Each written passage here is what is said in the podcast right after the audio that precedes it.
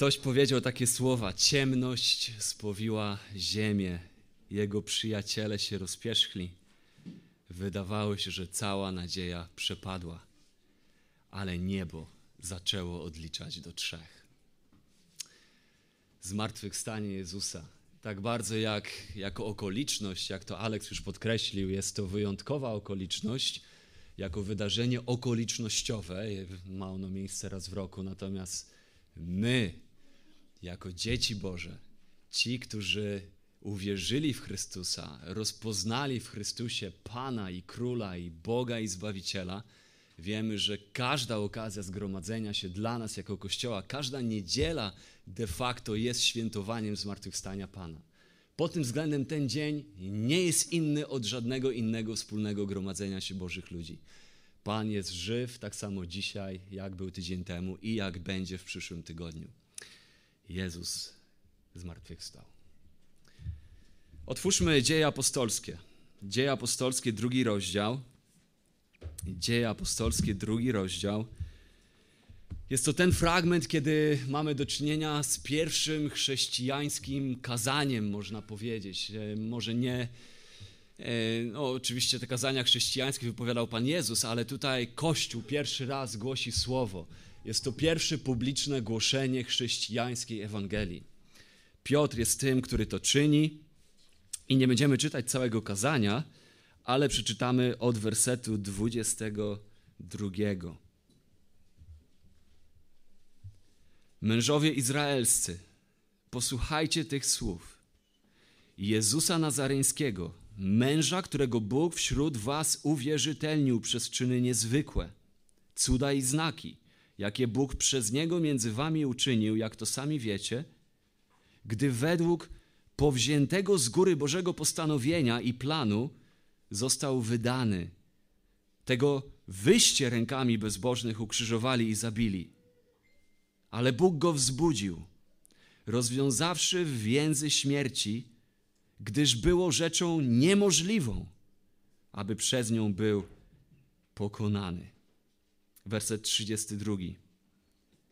Tego to Jezusa wzbudził Bóg, czego my wszyscy świadkami jesteśmy. Wywyższony tedy prawicą Bożą i otrzymawszy od Ojca obietnicę Ducha Świętego, sprawił to, co wy teraz widzicie i słyszycie. Albowiem nie Dawid wstąpił do nieba, powiada bowiem nam, rzekł Pan Panu memu, siądź po prawicy mojej, aż położę nieprzyjaciół Twych pod nóżkiem stóp Twoich. Niechże tedy wie z pewnością cały dom Izraela, że Panem i Chrystusem uczynił go Bóg, tego Jezusa, którego Wy ukrzyżowaliście. A gdy to usłyszeli, byli poruszeni do głębi. Pochylmy jeszcze na chwilę głowy w modlitwie. Ojcze, dziękujemy Tobie za to, że możemy w tym dniu zgromadzić się, by po raz kolejny spojrzeć w prawdy Twojego słowa, abyśmy mogli spojrzeć na siebie, na rzeczywistość, która nas otacza, na wszystko, co w życiu nas spotyka, spojrzeć na Ciebie na Twojego Syna, na Twoje zamiary, cele, z perspektywy prawdy, którą Ty objawiasz w swoim słowie. Tak więc, Panie, ukaż dzisiaj naszym oczom Jezusa, który jest wielki, który żyje, który zmartwychwstał. Twoje imię niech będzie uwielbione w tym czasie, jak Twoje słowo jest głoszone i jak wszyscy uczymy się przyjmować je z wiarą aby być nie tylko Jego słuchaczami, ale i Jego wykonawcami. Amen. Rudolf Bultmann, liberalny teolog niemiecki, już nieżyjący, wypowiedział takie słowa.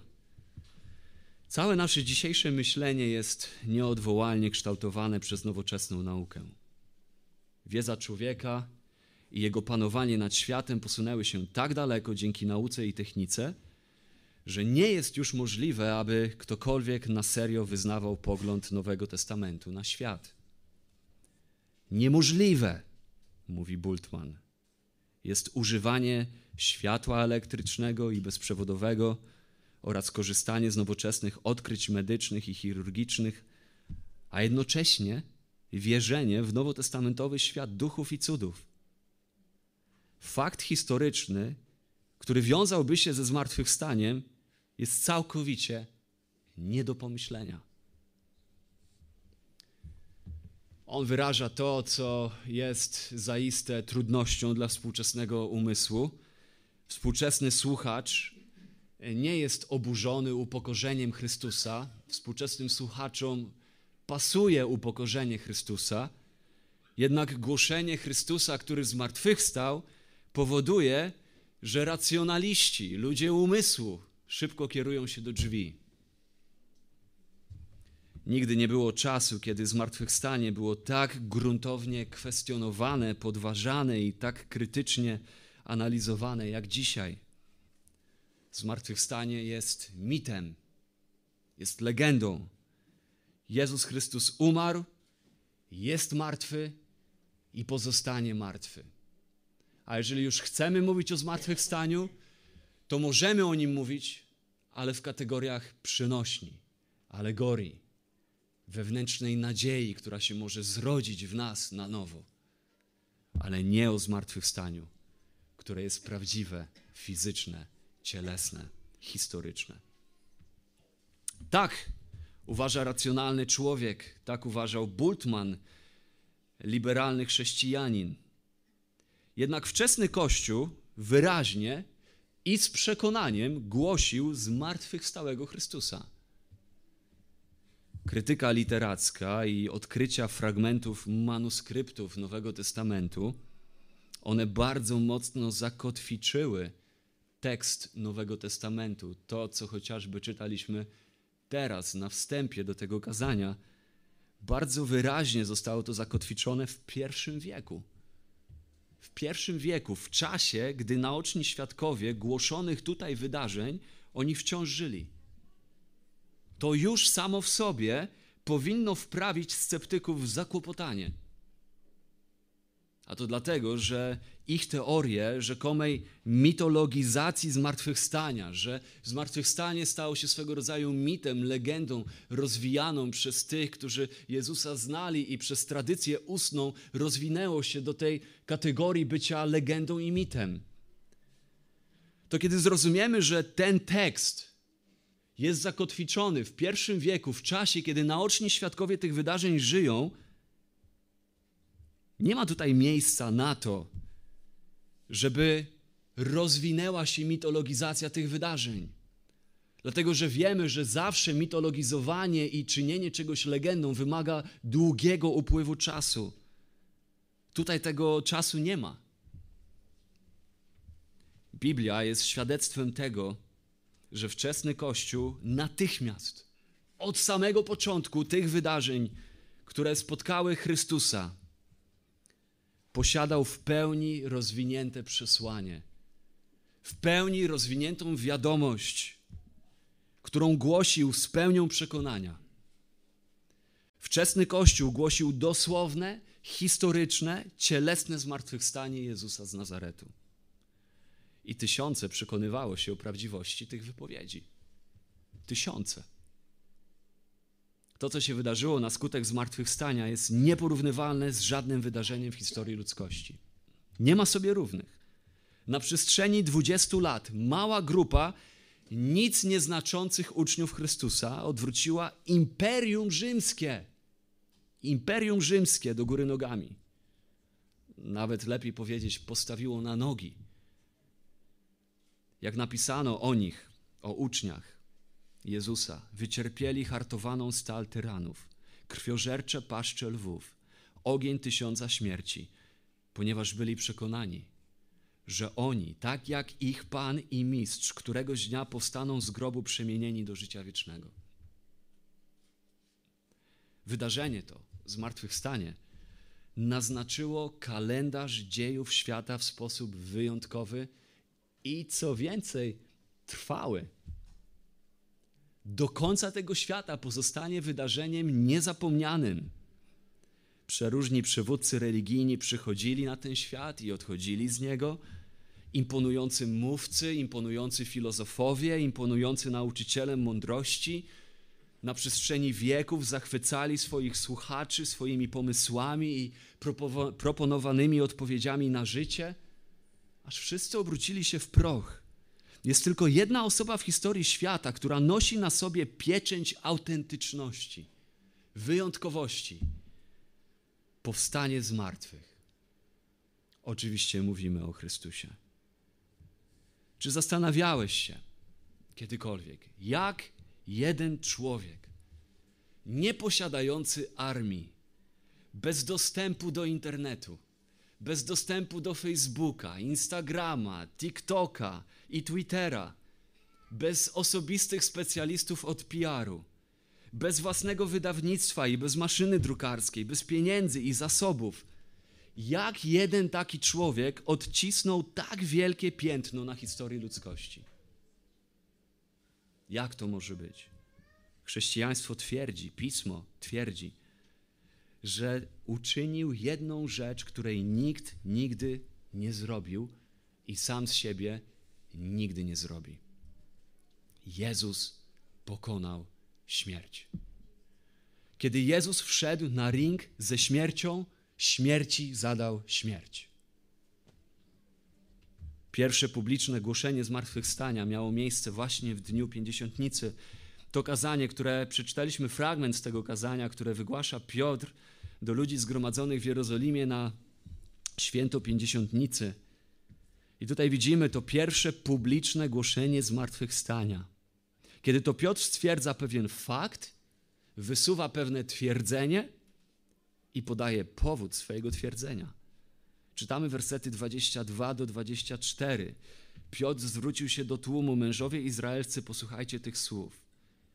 I tutaj mamy teraz fakt. Jezusa Nazareńskiego, męża, którego Bóg wśród was uwierzytelnił przez czyny wielkie, cuda i znaki, jakie Bóg przez niego między wami uczynił, jak to sami wiecie. To jest fakt. To nie podlegało żadnym dyskusjom. Ci ludzie wiedzieli, o kim jest mowa. Nikt wtedy nie wątpił, że Jezus jest mitologiczną postacią. To jest stwierdzenie faktu, tego Jezusa, Jezusa z Nazaretu, o którego czynach wy wiecie, a wielu z was widziało Jego czyny i słyszało Jego nauki. Werset 23 mamy pewne twierdzenie, które wysuwa Piotr gdy to według powziętego z góry Bożego postanowienia i planu został wydany. Jest to pewne twierdzenie, pewna teza, którą wysuwa tutaj Piotr.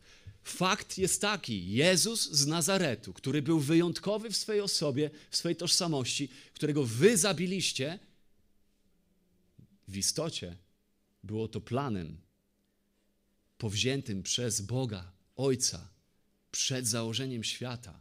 Jest to teza, którą on stawia. Jezus nie umarł, bo przegrał z Rzymianami. Nie umarł, bo był zbyt słaby. Nie umarł, bo był głupcem i dał siebie pojmać. Jezus zginął, bo taki był plan Ojca, by zbawić tych, którzy w Niego uwierzą. Jak sam powiedział do swoich uczniów w Ewangelii Jana w dziesiątym rozdziale, ja daję swoje życie za owce. Nikt mi nie odbiera mojego życia. Nie odbierają mi go Żydzi, nie odbierają mi go Rzymianie, ja daję swoje życie. Ja przyszedłem, żeby oddać życie za owce. I co więcej, mam moc to życie wziąć i mam moc powstać z martwych. Więc mamy fakt, mamy tezę i potem widzimy powód, gdyż było rzeczą niemożliwą, aby on był przez nią pokonany, rozwiązawszy więzy śmierci.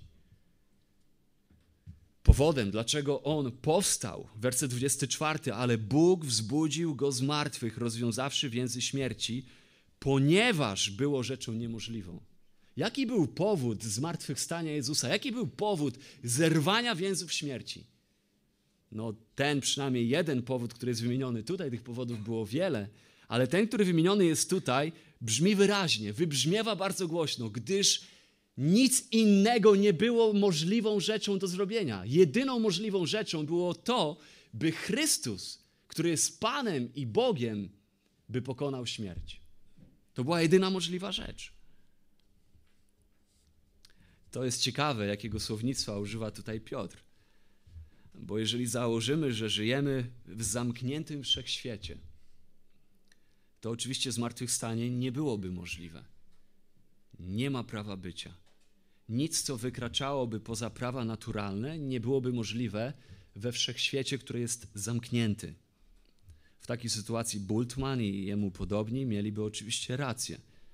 Pytanie tylko brzmi, czy pogląd zamkniętego wszechświata jest jedyną opcją dla ludzi, którzy są racjonalni? No otóż okazuje się, że sam Bultmann dopuszcza istnienie otwartego wszechświata, bo dobrze wie, że nie jest w stanie swoim umysłem udowodnić, że jest inaczej.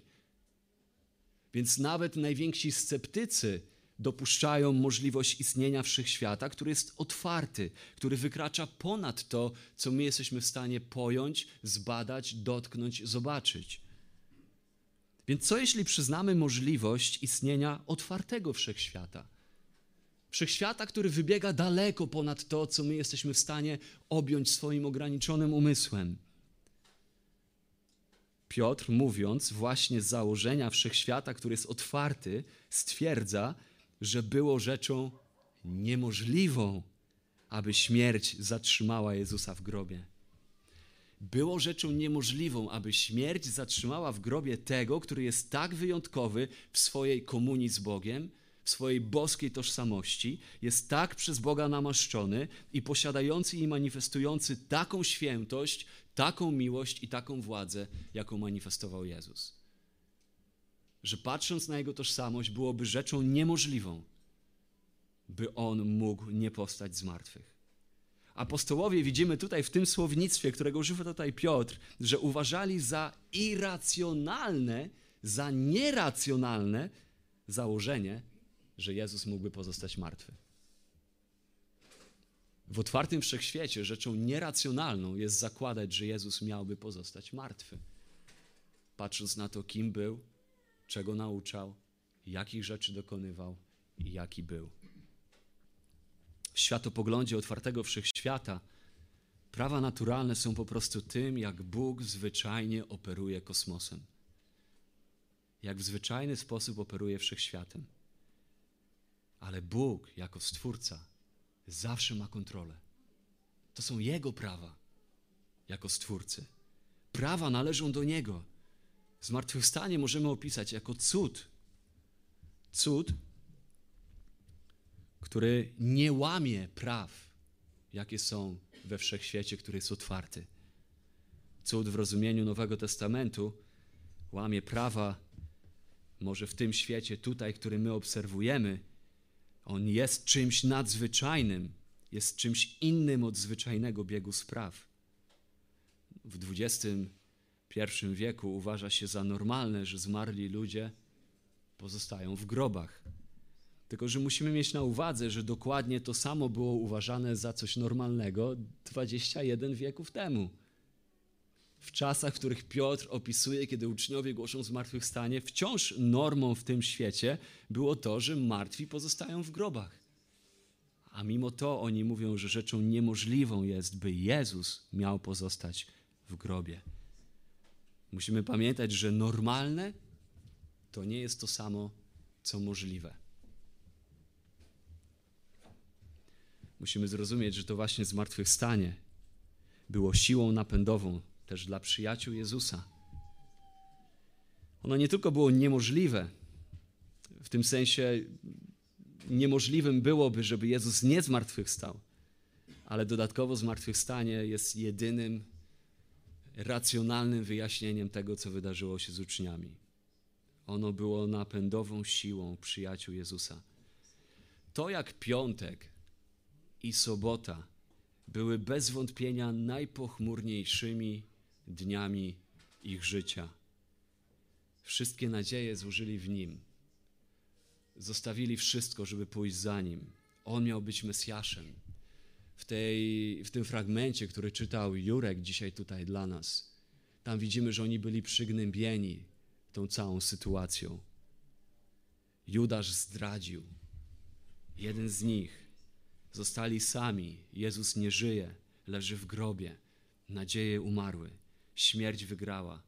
oni są następni w kolejce.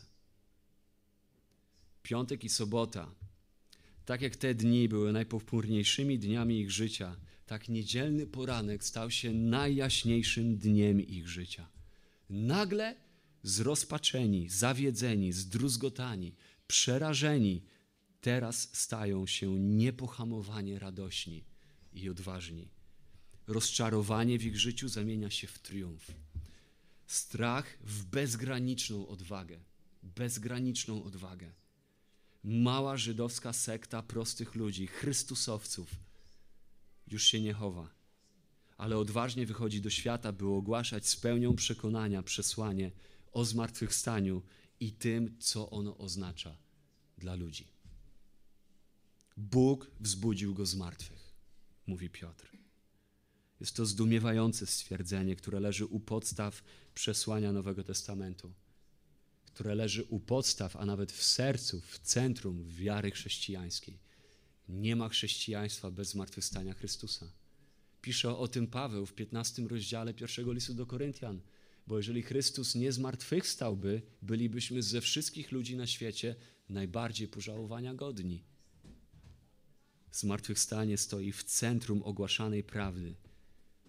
To jest to, co stawia Jezusa poza szeregiem wszystkich innych religii świata i nie daje miejsca na relatywizm, nie daje miejsca na religijną względność. Jest tylko jedna osoba w historii świata, która nosi na sobie znak autentyczności, prawdomówności, powstanie z martwych.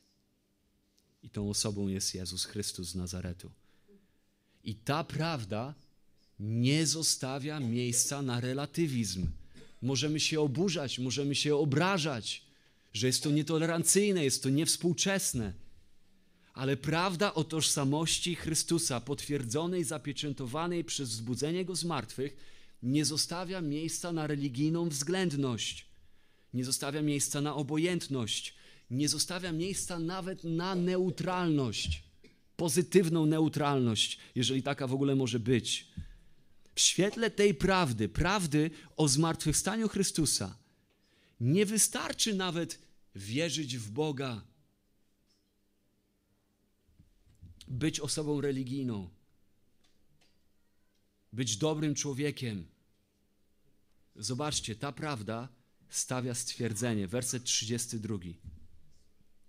Tego to Jezusa wzbudził Bóg, czego my wszyscy świadkami jesteśmy.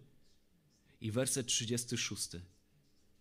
Niechże więc wtedy z pewnością wie cały dom Izraela, że i Panem i Chrystusem uczynił go Bóg, tego Jezusa, którego wy ukrzyżowaliście. Niechże więc wie cały lud. Niechże więc wie każdy z nas, że tego Chrystusa Bóg uczynił Panem i Chrystusem. Tego Jezusa uczynił Panem i Chrystusem. On jest tym, który zbawia i On jest tym, który panuje. Kiedy Piotr nazywa tutaj Jezusa Chrystusem, że Chrystusem uczynił go Bóg, to odnosi się do niczego innego, jak do tego aspektu zbawicielskiego aspektu Chrystusa. On jest tym, który jest Mesjaszem, on jest tym, który ratuje. To słowo Chrystus odnosi się do tego, że ja muszę i mogę Jemu zawierzyć. Jeżeli chcę być uratowany od moich grzechów i pojednany z Bogiem, który jest święty, to jedyną opcją jest Chrystus. Jezus, który jest Chrystusem. To jest ten, który zbawia, to jest ten, który ratuje, to jest ten, który dokonał tego, co potrzebne dla zbawienia złego człowieka przed słusznym gniewem dobrego Boga. On jest Chrystusem. On jest Zbawicielem, ale On też jest Panem. Tego Jezusa Bóg uczynił Panem. To z kolei ten zwrot odnosi się do tego, że wiara w Niego i pójście za Nim nie może być cząstkowe nie może być na pół gwizdka. Nie może być kwestią bycia wierzącym, niepraktykującym. On jest Panem. On jest kurios. On jest najważniejszym. On jest królem królów. To nie jest tak, że On może być jedną z ważnych rzeczy w moim życiu. ale On jest Panem, do Niego powinno należeć całe moje życie, moje ambicje, moje wartości, moje cele, moje relacje, moja rodzina, moje zasoby. To wszystko, co ja w życiu mam, powinno być definiowane przez to, że On jest Panem tego życia i że dla Niego te rzeczy są. Tego Jezusa Bóg uczynił Panem i Chrystusem. I w świetle tej prawdy pytanie, które rozbrzmiewa, wybrzmiewa z pustego grobu, nie brzmi, czy to ci się podoba? Czy to fajnie brzmi? Czy to działa dla ciebie? Czy czujesz się dobrze z tym przesłaniem? Czy zgadza się to z Twoim pomysłem na życie? Czy zgadza się to z Twoją tradycją, z Twoim wychowaniem, z tym, czego się nauczyłeś do tej pory? Ale pytanie, które wybrzmiewa z pustego grobu, brzmi raczej: czy opamiętasz się?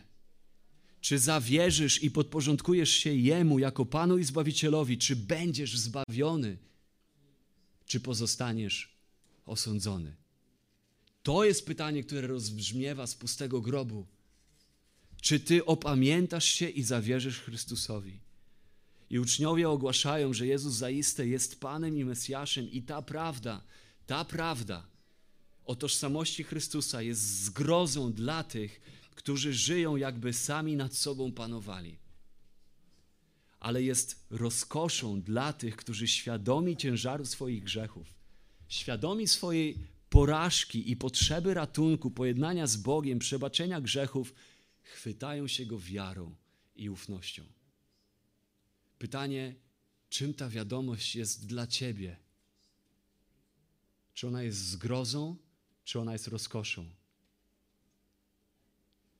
I nie oszukuj siebie dzisiaj. Zważ na Bożą cierpliwość. Ten dzień jest dniem łaski. Wciąż dzisiaj masz możliwość usłyszeć prawdę o tym, kim jest Chrystus aby pojednać się z Bogiem i stanąć przed Jego obliczem jako usprawiedliwiony z Twoich grzechów, nie Twoją sprawiedliwością opartą na Twoich uczynkach i na Twojej chlubie i pysze samosprawiedliwości, ale sprawiedliwością, która rozumie, że Ty swojej sprawiedliwości nie masz, więc chcesz znaleźć się w Nim, w Chrystusie, mając Jego sprawiedliwość i otrzymując przebaczenie Twoich grzechów na podstawie Chrystusa.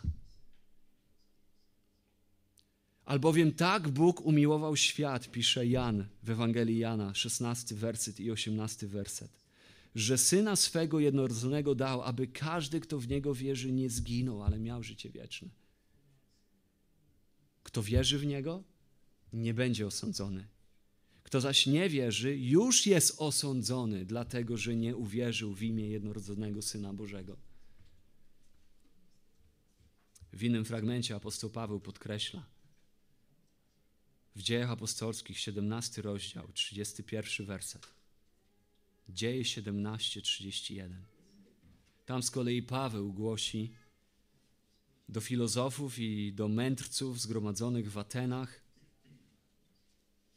Bóg teraz jednak wzywa wszędzie wszystkich ludzi, aby się upamiętali gdyż wyznaczył dzień, w którym będzie sądził świat sprawiedliwie przez męża, którego ustanowił, uwaga, potwierdzając to przez zmartwychwstanie, wskrzeszenie go z martwych. To jest ten, który umarł za grzechy nasze według pism i został pogrzebany, i trzeciego dnia został z martwych wzbudzony według pism. On swoim zmartwychwstaniem udowodnił, że wszystko, co sam o sobie twierdził, jest prawdą i że wszystko, czego dokonał dla zbawienia z grzechów tych, którzy w Niego uwierzą, jest prawdą. Tym samym Jego zmartwychwstanie stało się zapowiedzią nadejścia nowego stworzenia. On jest pierworodnym z umarłych. To znaczy, bracie, siostro, ty, który należysz do Chrystusa, wierzysz w Chrystusa, rozumiesz, że On jest Panem i Chrystusem, to znaczy, że rzeczy nie pozostaną zawsze takie same. to znaczy, że świat nie pozostanie w zepsuciu. To znaczy, że nawet Twoje serce nie zawsze pozostanie w zepsuciu. Zło nie zawsze będzie się panoszyć. To znaczy, że Ty, który zawierzyłeś swoje życie Jezusowi, Jezus zmartwychwstał i żyje. Twoja nadzieja położona w Nim, pisze Piotr w swoim liście, jest nadzieją żywą. On przez zmartwychwstanie Chrystusa zrodził nas ku nadziei żywej, pisze Piotr. 1 Piotra 1:3. To właśnie przez zmartwychwstanie Jezusa Bóg zdradza człowieka do nadziei żywej, to znaczy do nadziei nieumierającej, nadziei stabilnej, nadziei dziedzictwa, które, jak dalej pisze Piotr, jest nieznikome, nieskalane, niezniszczalne. Tylko zmartwychwstały, triumfujący nad grzechem i śmiercią Zbawiciel może być zapowiedzią przyszłości, która jest odporna na grzech, odporna na śmierć i odporna na czas. To jest dokładnie, co te zwroty oznaczają. Nadzieja, dziedzictwo nieznikome, nieskalane, niezniszczalne. Dziedzictwo odporne na grzech, odporne na śmierć, odporne na czas. Czas, grzech, śmierć. Czyż to nie są te trzy czynniki, które charakteryzują nasze życie i niszczą wszelkie ludzkie nadzieje? Każda nadzieja Twojego życia zostanie albo skażona grzechem, albo zniszczona przez czas, a w końcu przez śmierć. Chyba, że, pisze Piotr, chyba, że Twoja nadzieja będzie nadzieją żywą, którą złożyłeś w Chrystusie i do której Bóg zradza Ciebie, zmienia Twoje serce, daje Tobie nowe życie, nową naturę. Twoja wiara, wiara złożona w Jezusie, którego Panem i Chrystusem uczynił Bóg, nie jest daremna. Twoja wiara złożona w Chrystusie nie jest daremna.